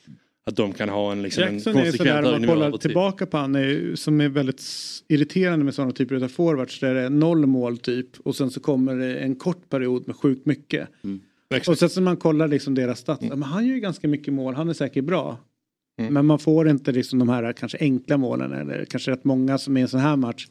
Trean och fyran. Och så, så blir det bra stats på det. Men det finns, alltså det man såg i somras på eh, och när han delvis förra året så har han ju någonting. Men det är ju verkligen, eh, det är inte första nummer nio som fl- Nej. flunkar där. Nej, just det du säger David också. Att, att, menar, du, du måste ju ha spelare på den nivån som du vet innan matchen. att- Men den här spelaren kommer att leverera då. Han kommer ge mig en, en, en prestation. Och det, det, det är, så är det inte fallet med, med, med Nej. Jackson. Nej. Precis som du säger, att han kan ha perioder där han gör jättemycket mål och sen kan han där han har en eh, otrolig dipp. Och det är faktiskt som du säger också, det tycker jag är viktigt i, i statistik med målgörare. Vilka mål är det de gör då? Vilka mål är det? Är det, är det 3-0, 4-0 eh, mot ett Spurs med två man mindre? Är det liksom eh, eh, 3-1 och, och 5-1 mot, mot eh, Wolverhampton hemma? Eller är det viktiga mål i avgörande matcher? Det, det tror jag är viktigt när man eh, utvärderar en, en, en, eh, 100%. en, en målskytt eller en nia. Du, ehm, kommer, eh, kommer Arteta släppa eh, sin ilska någonting? Eller kommer de liksom fortsätta och dra upp att hela livet och världen är emot dem? Och gör de det för att täcka det som egentligen bör pratas lite mer om, att det har gått tungt? Det har inte sett lika bra ut. Först och främst tycker jag han, han, har, han har rätt i den valsituationen där mot, eh, det är, alltså det är frispark alla dagar i veckan. De kan hålla på och kolla om den bollen var inne eller ute i första läget. De kan hålla på och dra offside-linje i, eh, i, eh, i tredje situationen. Men det är ju frispark, punkt. Sen börjar det bli en trend tycker jag bland eh, Premier League managers att hela tiden ifrågasätta VAR. Vi såg Gary O'Neill nu till exempel med, mot Sheffield United med, med sitt Wolves. Och där ligger något i det tror jag som du säger att det är någonstans en, en ansvarsförskjutning av, av ens egen prestation när man landar det hela tiden. Sen förstår jag pres, eh, frustrationen såklart. Men också den här jakten, det tycker man hör från alla ligor, jakten på bättre domare. Hur ska vi kunna få bättre domare? Var finns de? Är det, Genom är det robotar vi vill ha? Nej, att, att göra att man släpper den här idiot, idiotiska grejen att det är bara engelska domare i Premier League. Om vi plockar in de är- bästa. Om vi plockar är in de bättre utomlands? Ja men om, man, om urvalet är alla världens domare eller de som råkar vara födda i England så är det klart att eh, vi har chans att få bättre domare. Alltså det är ju dags att man blir professionell på riktigt. Typ i NHL vet jag att de plockar in de bästa domarna och då är det deras liksom, medborgarskap är helt irre- irrelevant. Är du en NHL-domare, är du på den här nivån, då får du döma här. Eh, vet, Marcus Winnerborg var en svensk som fick åka över. Jag tror att det är vägen framåt. Därför att om ligan blir bättre och bättre, spelet går snabbare och snabbare och de får dit bättre, alltså spelarna, de får dit de bästa spelarna. Då ska vi hålla kvar vid Anthony Taylor. Nu är han förvisso nedskickad till Championship för att han är för dålig. Men det är, det, är, det, är, ju väldigt svaga domare. Mm. Jag tror de måste öppna upp för att så här, de bästa Men domarna i sen världen finns det ju en, det är en döm. problematik när du har ett varum tycker jag och en domare på så sätt att domarna blir ju lite slappare i sin bedömning Ja. för att de hela tiden kan lita på ett varum. Mm. Att Ja. så här, Okej, det där kanske var frispark men vänta nu, vi väntar in ett varum och hör vad de säger samtidigt som VAR då ska kliva in och bara ändra domslut som är helt galna. Och då, gör, då blir ju de skraja på den här putten med, eh, med Gabriel att så här, vänta nu, är vi 100% säkra att det här är fel? Jag håller med om att det ska, det ska nog vara frispark Mm. i, i det läget. Men det blir ju en, en problematik där. Jag tror det är det absolut viktigaste. Mm. Att du måste ta bort den här som alla pratar om, clear and obvious. Ja. För att det blir som du säger, Mm. domarna på plan blir passiva. Ja. Omedvetet eller medvetet. Mm. För att de har ett varum att förlita sig till. Och då tar inte de beslut och sen så helt plötsligt, ja men det måste vara clear and obvious. Ja men jag släppte ju den kanske för att eh, ni skulle ändra det. Så Mm. det, det tror jag är det viktigaste. Att, att, eh, att eh, ta bort den riktlinjen då. Men Clear and obvious. Antingen så... Menar, Ja, men vad, alla kan vad bedöma. krävs då för clean obvious? Det är alltid Ja. en bedömning i det. Ja. Bara, liksom... Men det, Det, kom, det men, bara gör bedömningen ännu svårare ju. Ja. men där den kom från början var ju Martin Hansson på Parc des Princes. Eller Stade de France, vad fan det nu heter. Där, Mm. Ja, Frankrike-Irland. Exakt, Ja. det var då det liksom var. När hela världen ser att Ja. Henri tar med handen. Den är clear and obvious. Alltså den är så. Det var ju därför man vill ta hjälp av det. ja. Men sen så nu är det ju, ja men jag tycker inte att det fungerar tillräckligt bra. Plus att det, det du är inne på, det är ju inte bara det att eh, domaren kanske blir lite mer slapp utan även duckar ju också ett ansvar. Nej men varummet sa det, det är skitsamma, du är ytterst ansvarig. Mm. Du har ju bara de här till hjälp. Det är fortfarande du som ska fatta Ja. besluten. Ja. Så att där vill man ju emellanåt nästan när VAR kliver in att domaren går ut och kollar åtminstone så de vet vad. Liksom så här, man kan förklara 100% efteråt, inte bara Mm. få höra att det här, det här har hänt. Så det är, Mm. ja, ja, det är vad det är. löser sig allt om du plockar av världens bästa domare. Det känns som att du dyker upp kommunikationsproblem istället om du pratar olika språk och sånt där. Men, Det funkar ju internationellt. eh, och Alltså det, är, så låter det inte i Champions League. De är inte upp, de, känner inte där att, att var bra allt funkar med domare. Då uppstår det andra problem. Det kommer alltid uppstå problem tänker jag. Ja, Men, du men, men, men eh, som, jag är helt hundra på, även fast den sämsta som jag tycker är i engelska ligan, Anthony Taylor, om han skulle komma till Sverige så skulle han framstå som ett geni och vi skulle få se en domarnivå som vi inte har sett innan. Alltså jämfört med eh, Klitte eller några andra som springer runt och harvar. Det är ju, man, det förstör ju mycket med domare, det ser vi bara på allsvenskan som inte håller nivån. Och det är för många, i, tycker jag, i, i engelsk fotboll som inte gör det. Min känsla är att det finns en bild av att det alltså, eh, där ute finns det domare som gör att vi inte kommer klaga på domslut. Jag säger inte att du Nej, säger nej, det. nej. Jag säger inte att du säger det. Men, men grundinställningen är att domarna är för dåliga. Har jag hört sedan 91. Ja, Ja, ja, var men- är de bra domarna då? Ja, men, ja, ja, Spanien, det jag hör när Kviborg pr- pratar om sin La Liga, det är bara att det är usla domare hela tiden. Ska de vara bättre i Italien? Går det snabbare där eller hänger de bättre med eller? Jag, jag tycker att det finns domare, han Unate eh, Turren som springer runt och dömer eh, Kuipers, jag vet inte om han har gått i pension nyligen. eh, som finns. Ja, men- ja, men jag lyfter upp, nej. också, det, det jag menar är att det finns många bra domare men de håller sig i olika länder. Jag tycker det är konstigt att man släpper det viktigaste då som nästa har, den som ska ha koll på matcherna, att det kan vara preti och kleti bara för att man har ett visst pass. När man har Vilka ändrat... ska döma deras liga då? Ja men det får väl bli samma sak. De får väl fylla på. Vilka ska spela fotboll i Ingen vill ju vara domare när det kommer ut ett club statement för att man har gått bort sig på en frispark. Vem vill vara domare idag? De är ju redan domare men, och de är, alltså jag förstår inte varför vi ska hålla fast vid en gammal regel och med förbundskaptener kan vara från olika länder som Låt inte dem- ens från det landet. Låt dem göra misstag precis som fotbollsspelarna gör. Du, du, du, Ja, du vill ju inte ja. ha VAR. Låt domarna Ja men då säger jag så här, uppa upp domarrollen. Ge dem bättre möjligheter till att göra karriär. Att man kun- kunde drömma om att en dag ska jag inte döma på Stadshagen utan ska döma på Emirates. Att man ska ku- kunna göra domarkarriärer. 100% säker på att fler skulle kunna tänka sig göra en domarkarriär ordentligt. Om vardagen också skulle kunna bli att man kan ta sig ut i Europa. Det blir sätt. fängslelax som 13-åring. Riktigt jävla kul jobb. Nej, nice. min Men- grabb men- blir domare, vi är så stolta här. Alltså, det... Kliv in i allsvenskan här och hela familjen är säkrad. Nej, men jag, jag tror också därför var, men jag tror, jag håller med också att, att det måste vara ändå en debatt att, att någonstans är, eh, som du sa också, att det var en, en domarroll, en domarposition, har varit utsatt alltid. Man måste akta sig där också från eh, managers håll. Jag fattar frustrationen Ja, eh, ja, med Arteta. Men det kan inte vara så att varenda gång man kommer ur så landar man i ett It's unbelievable. Oh, det, you know, the level uh, of the referees is, is you know, shambles och så vidare. Och man landar i de här dumma argumenten att ja, jo, som Klopp har sagt ibland och andra, men annars också, ja men kollar du på, kollar på den här situationen och, och fryser om en bild så ser den helt annorlunda ut. Det ser annorlunda ut. Det, det är ett så jävla dumt argument. Det, det måste man också komma ihåg i den debatten. Sen har det varit väldigt speciella VAR-beslut. Arsenal till exempel, offside-situationen där som var den mänskliga faktorn mellan, mellan Liverpool och Tottenham.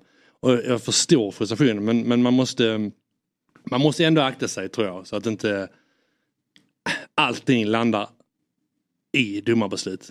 Nej, nej, Alltså, såklart inte. för- Men, för men det är ju bättre man har som är beredda på att, som, som fattar besluten, desto mindre problem kommer vi ha med diskussionen runt domare förhoppningsvis. Men den kommer alltid finnas. Men Men jag menar du kommer ändå alltid ha, det här, ta bort den här mänskliga faktorn då som det var med offside-linjen Liverpool-Tottenham. Du kommer ändå alltid landa i de här diskussionerna. Till och med den här situationen eh, Arsenal-Newcastle.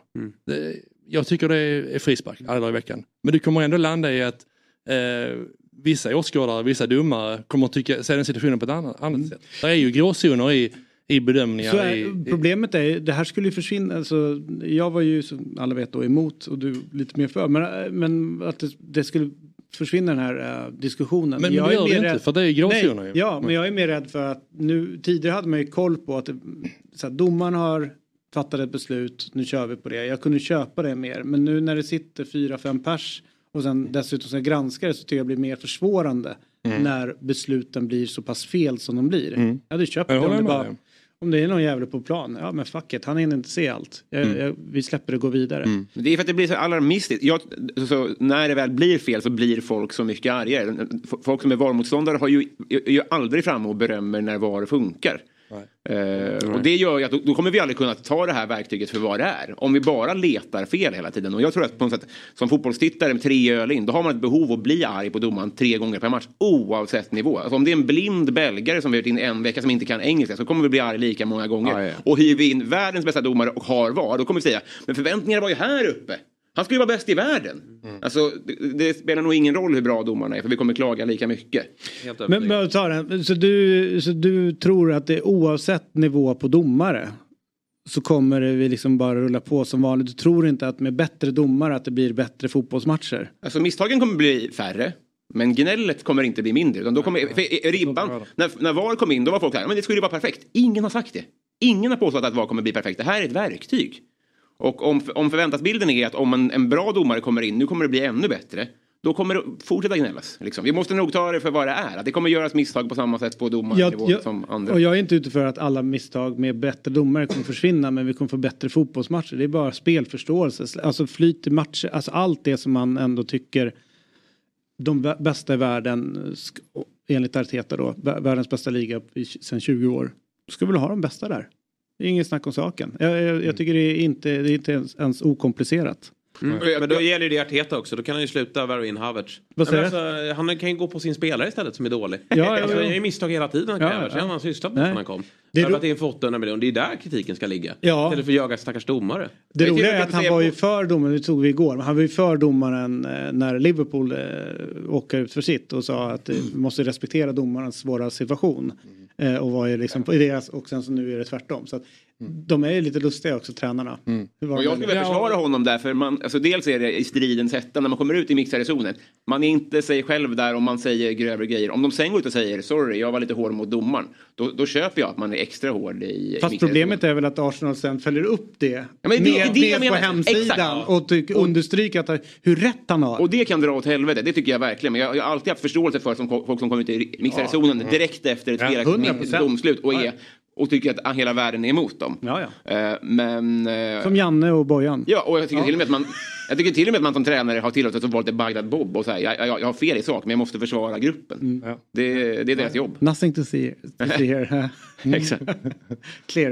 Eh, ja, men, ja, men det var härligt att vi ändå är överens om att bättre domare. Du innan vi... eh, Det vore ju önskvärt. Gärna domare som delar ut det. Vi måste ha sämre domare. Ja. Nej, Men bättre domare men jag tror det blir svårt. Så kan vi säga. Du, eh, innan vi släpper dig Jonas så vill Jesper visa hur duktig han är på att eh, ge, hjälpa mig att få lunch. Just det. Det- vi har det- en eh, tisdagstrippel. Och det är ju Champions League eh, igen. Och eh, nu vänder ju eh, serien här va. Tre matcher har spelats omgång Är det match fyra. ikväll? Ikväll är det match. Right. Ja, ja. Champions League rullar. Eh, och eh, vi har hittat en liten trevlig trippel där jag tycker att Milan verkar ha ganska stora problem.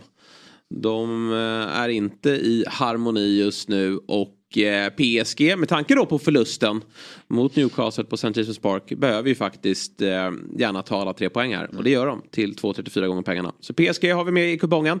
Sen tror jag att vi ser en ganska avslagen match på Etihad. Eh, det är ett City som har Chelsea till helgen. De har Haaland förmodligen på en bänk. Han tränade igår.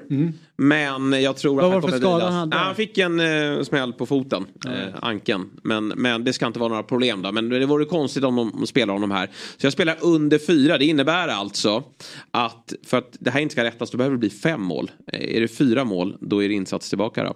Och sen avslutar vi med att jag spelar Dortmund draw och bet. Vilket innebär att man får insatsen tillbaka vid krysset. Men jag tyckte jag var imponerad av Dortmund och Newcastle har ju oerhört många skador. Fick de ju två nya skador här. Eh, Dan Burn. Mm, jobbig. Den långa vänsterbacken. Och Target som är, har varit en form av ersättare. Nu vet jag inte hur han löser det om man flyttar över Trippier och Mm, har gjort någon gång innan va? Han Han har gjorde gjort det någon gång senast, innan, precis. Så han ju eh, er kompis där, Lewis Hall också från, från Chelsea. Men är han riktigt redo? Så att, eh, och jag tycker dessutom att Alexander Isak i de här större matcherna, jag tycker Wilson han är ju bra eh, i rätt uppgifter. Frågan är om det här är en rätt uppgift för dem. Nu åkte ju, jag tror att Dortmund, de sträcker nog lite på sig och, och är mer skärpta med tanke på vad de åkte på i helgen. Då.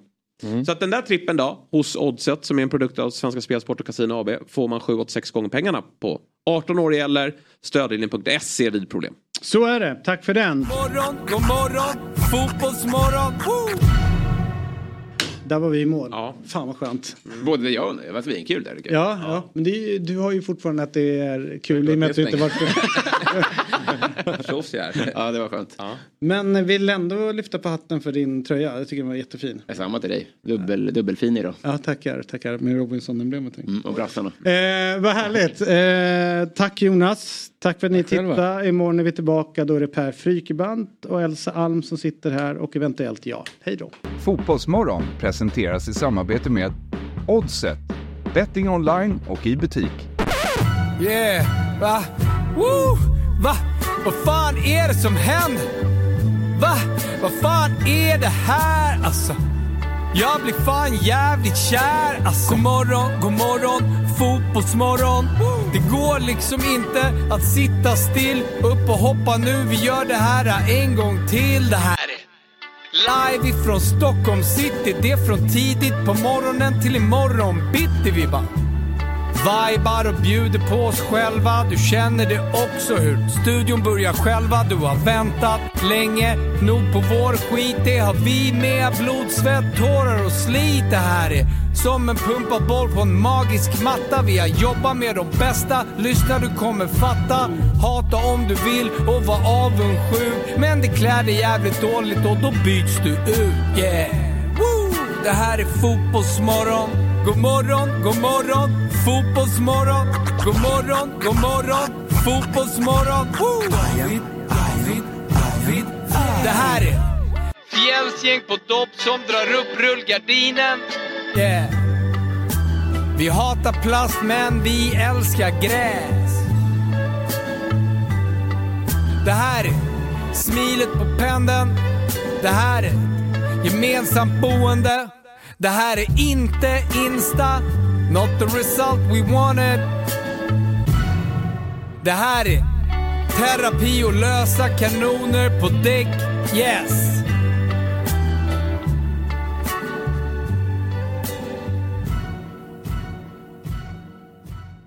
you poddtips från Podplay. I podden Något Kaiko garanterar östgötarna Brutti och jag, Davva, dig en stor dos skratt. Där följer jag pladask för köttätandet igen. Man är lite som en jävla vampyr. Man har fått lite blodsmak och då måste man ha mer. Udda spaningar, fängslande anekdoter och en och annan arg rant. Jag måste ha mitt kaffe på morgonen för annars är jag ingen trevlig människa. Då är du ingen trevlig människa, punkt. Något Kaiko, hör du på Podplay. Därför arkadeinerna.